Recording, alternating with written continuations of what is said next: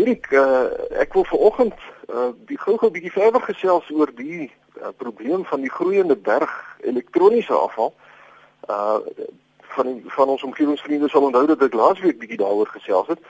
En in reaksie daarop um, het ons oudste dogter Lize, sy is weer daar redelinghuis, uh dit mooi onder haar pa se aandag gebring dat volgende week Suid-Afrika se nasionale skoonmaakweek is. Dankie Lize. Nou Lize werk as 'n uh, omgewingsprokureur by Shangoni Bestuursdienste in Pretoria en Shangoni het besluit om as deel van hulle gemeenskapsdiens mense te help om van elektroniese afval ontslae te raak. So as Pretoria uh, mense wat nou in Pretoria bly enige elektroniese afval soos ou rekenaars of kabels of drukkers of selfone of batterylaaiers of enige elektroniese goed het. Ek het ou videomasjiene wat hier by my lê en ou kameras, videokameras en so aan. Uh u kan dit gerus by Shangoni se kantore gaan aflaai in volgende week Google maar net die naam Shangoni S H O N G uh, S H A N G O N I Shangoni. Uh dan sal u hulle adres kry maar hulle is natuurlik nie al organisasie wat deelneem aan hierdie inisiatief nie. Soos ek gesê het, dis volgende week Suid-Afrika se nasionale skoonmaakweek. Um en volgende Vrydag spesifiek is Suid-Afrika se nasionale elektroniese afval hersirkuleringsdag. En as u nou op Ewasa se webwerf gaan kyk. EWASA is die Electronic Waste Association of South Africa. Dan sal jy sien dat daar reg oor ons land organisasies is wat deelneem aan hersirkulering van elektroniese afval. En dit sluit nou kettingwinkels in soos Pick n Pay, Game and Woolworths wat nou slegs gloeilampe, batterye en leë drukkers in kassette aanvaar, maar ek sien Makro aanvaar enige elektroniese afval. So u kan gerus enige ding uh, by Makro gaan gaan aflaai wat u nou nie meer wil hê nie. En dan is daar natuurlik elektroniese winkels en hersirkuleringsmaatskappye soos iMicrocomp, Electronic Recyclers, Desco en Viro Klein, Green Office, Just PCs, Remade Recycling, Twaye Electronic Waste Company, Cinnobar, South City E-Waste Recycling, Wasteplan, Refurb Warehouse, Green Office, PC Undertakers, Cape E-Waste Recyclers, E-Cycle Olunga Systems, Microdoctor ensovoorts. Daar's 'n sweterjoel sulke maatskappye wat deelneem aan hierdie inisiatief. Kyk maar net op Ewasa se webwerf. En van die van julle wat nou ver van 'n stad af bly, vat die elektroniese afval saam as jy nou weer stad toe ry volgende week en gelaai dit gerus by een van hierdie plekke af. 'n Ander idee natuurlik is om in u dorp 'n verdienstelike organisasie soos byvoorbeeld 'n ouerhuis, 'n kinderhuis, 'n skool of 'n kerk te vra of hulle nie elektroniese afval wil versamel totdat daar nou genoeg is dat dit die moeite werd is vir 'n groot vragmotor om dit na die stede te vervoer nie. En mense kan nou 'n lekker geldjie verdien in die proses ook terwyl mense nou iets goeds doen vir die omgewing. Maar direk Suid-Afrika gaan nie net konsentreer op elektroniese afval in die komende week nie, want volgende Saterdag is dit ook internasionale kus skoonmaakdag en ek het vanoggend vroeg gehoor ou Gawie kla oor die kuste die die kus wat so vuil is. So al ons omgewingsvriende wat gaan visvang of wat naby die see bly, Volgende Saterdag, wend asseblief 'n groot poging aan om ons strande en rotse skoon te maak en al die gemors op te tel. Ons land is regtig eintlik smerig vuil. So ek dink alle organisasies in Suid-Afrika behoort hierdie poging te ondersteun om ons land skoner te kry. Uh as jy meer inligting wil hê, gaan Google gerus Recycling Day South Africa. Recycling Day South Africa vir meer inligting oor organisasies wat skoonmaak aksies reël. Ehm um, en as hulle niks gereël is in u stad of dorp nie, reël dan sommer self iets en mobiliseer u gemeenskap om ons mooi land skoon te maak. Dan doen ek iets anders, iets heeltemal anders. Een van die nuusbrokkies die afgelope week wat my nou baie geïnteresseer het, was dat wetenskaplikes in Argentinië die grootste dinosaurus nog ooit ontdek het. En hulle het hierdie reuse dier die naam Dreadnoughtus shrani gegee. Nou vir ons diep Afrikaanse vriende wat Engels net praat as hulle nou regtig nie anders kan nie, die Engelse woord Dreadnought is 'n naam wat aan die groot oorlogskepe in die Tweede Wêreldoorlog gegee is en hierdie skepe hoef nou vir niks anders op die see bang te gewees het nie. Net soos hierdie reuse plantetende dinosaurus vir geen ander dier op aarde bang sou hoef te gewees het nie. Die Dreadnought dinosaurus was heelwat groter as die skrikwekkende uh, Tyrannosaurus Rex. Ehm um, en hy het boonop 'n 10 meter lange stert gehad wat hy as wapen sou kon gebruik. So 'n T-Rex sou waarskynlik 'n groot draai rondom 'n volwasse Dreadnought geloop het.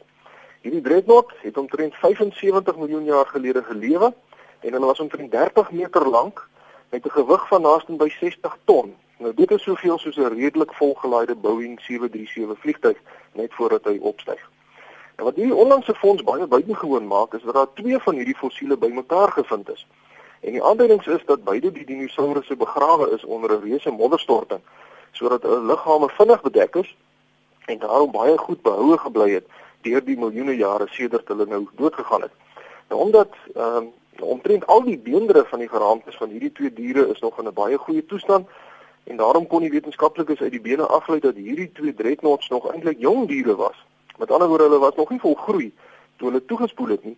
So die kans is daar dat daar selfs nog groter beenderre in die toekoms ontdek kan word. Nou omgewingsvriende, hierdie klink na ongelooflike groot diere. Ek bedoel 'n ding wat 30 meter lank is en 60 ton weeg. Uh so dit is so. Maar uh net om perspektief te gee moet ons onthou dat die blou walvis wat vandag nog in ons oseane rondswem selfs nog groter is. Um nou die walvisse het natuurlik die voordeel dat hulle massiewe liggame deur die water ondersteun word en dat hulle nie daardie reuse gewig op hulle pote hoef rond te gedra het soos wat die dinosourusse moes doen nie. Maar die blou walvis bly steeds 'n verstommende dier. Hierdie walvisse weeg tot 170 ton elk in vergelyking met 'n dreadnought se 60 ton. So jy kan 'n idee vorm van hoe groot die blou walvisse werklik is. Hierdie reuse swemmende soogdiere het algemeen voorgekom in bykans al die oseane voor die begin van die 20ste eeu, maar oor bykans 100 jaar, die afgelope 100 150 jaar, is hulle tot op die randjie van uitsterwing gejag totdat daar 'n internasionale verbod op walvisjag geplaas is in 1966. Nou in 2002 was daar slegs tussen 5000 en 12000 blou walvisse oor en hulle het in 5 groepe in die see rondgeswem. Maar goeie nuus is daarom dat daar vroeër verjaar berig is dat die getalle blou walvisse aan die kus van Kalifornië baie mooi eh, besig is om te herstel en dat daar tans net 3% minder walvisse is as wat daar 100 jaar gelede was in daai deel van die wêreld.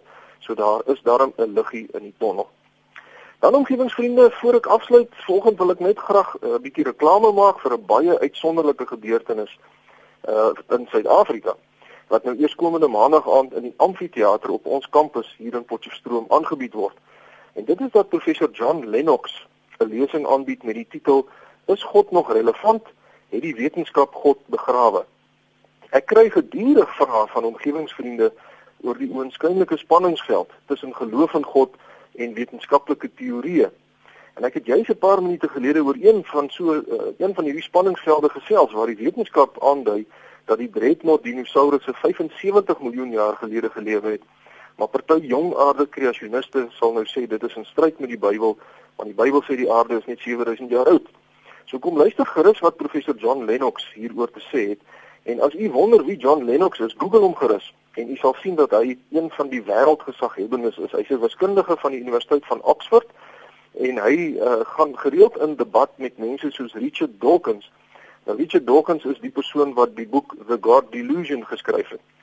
Um en hierdie debatte word wêreldwyd uitgesaai en dit is ook op YouTube beskikbaar. Dit is werklik 'n uitsonderlike voorreg om iemand van John Lennox se statuur in Suid-Afrika te hê.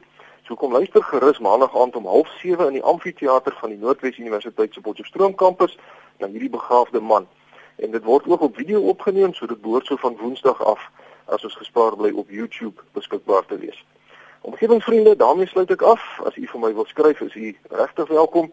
My rekenaaradres is kobus.vanderwalt@nwu.ac.za of u kan my kry by die fakulteit Natuurwetenskappe, Noordwes Universiteit, Potchefstroom 2520. Help asseblief volgende week om ons land 'n bietjie skoner te maak en vriendelike groete tot 'n volgende keer. Kobus net voor jy gaan, gee net gou vir ons weer die adres van waar jy die goed in Pretoria kan kan gaan afgee. Ehm um, die die maatskappy uh, waar my dogter nou werk, direk eintlik uh, moet ek dadelik sê dis enige uh, afdelingswinkels soos um, Pick n Pay en Woolworths en so aan, Makro.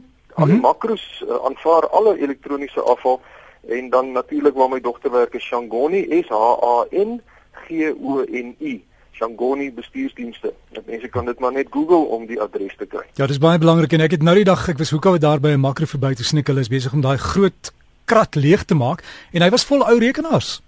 Ja, ja, nee, dis 'n wonderlike inisiatief en ek dink die mense behoort geluk te wens daarmee. Dit geluk gewees te word daarmee. So gesels ons dan met Kobus van der Walt en hy's by Noordwes Universiteit. As jy wil e-pos stuur, miskien 'n navraag of iets wil rig, onthou dis kobus.vanderwalt by nwu.ac.za. kobus.vanderwalt by nwu.ac.za.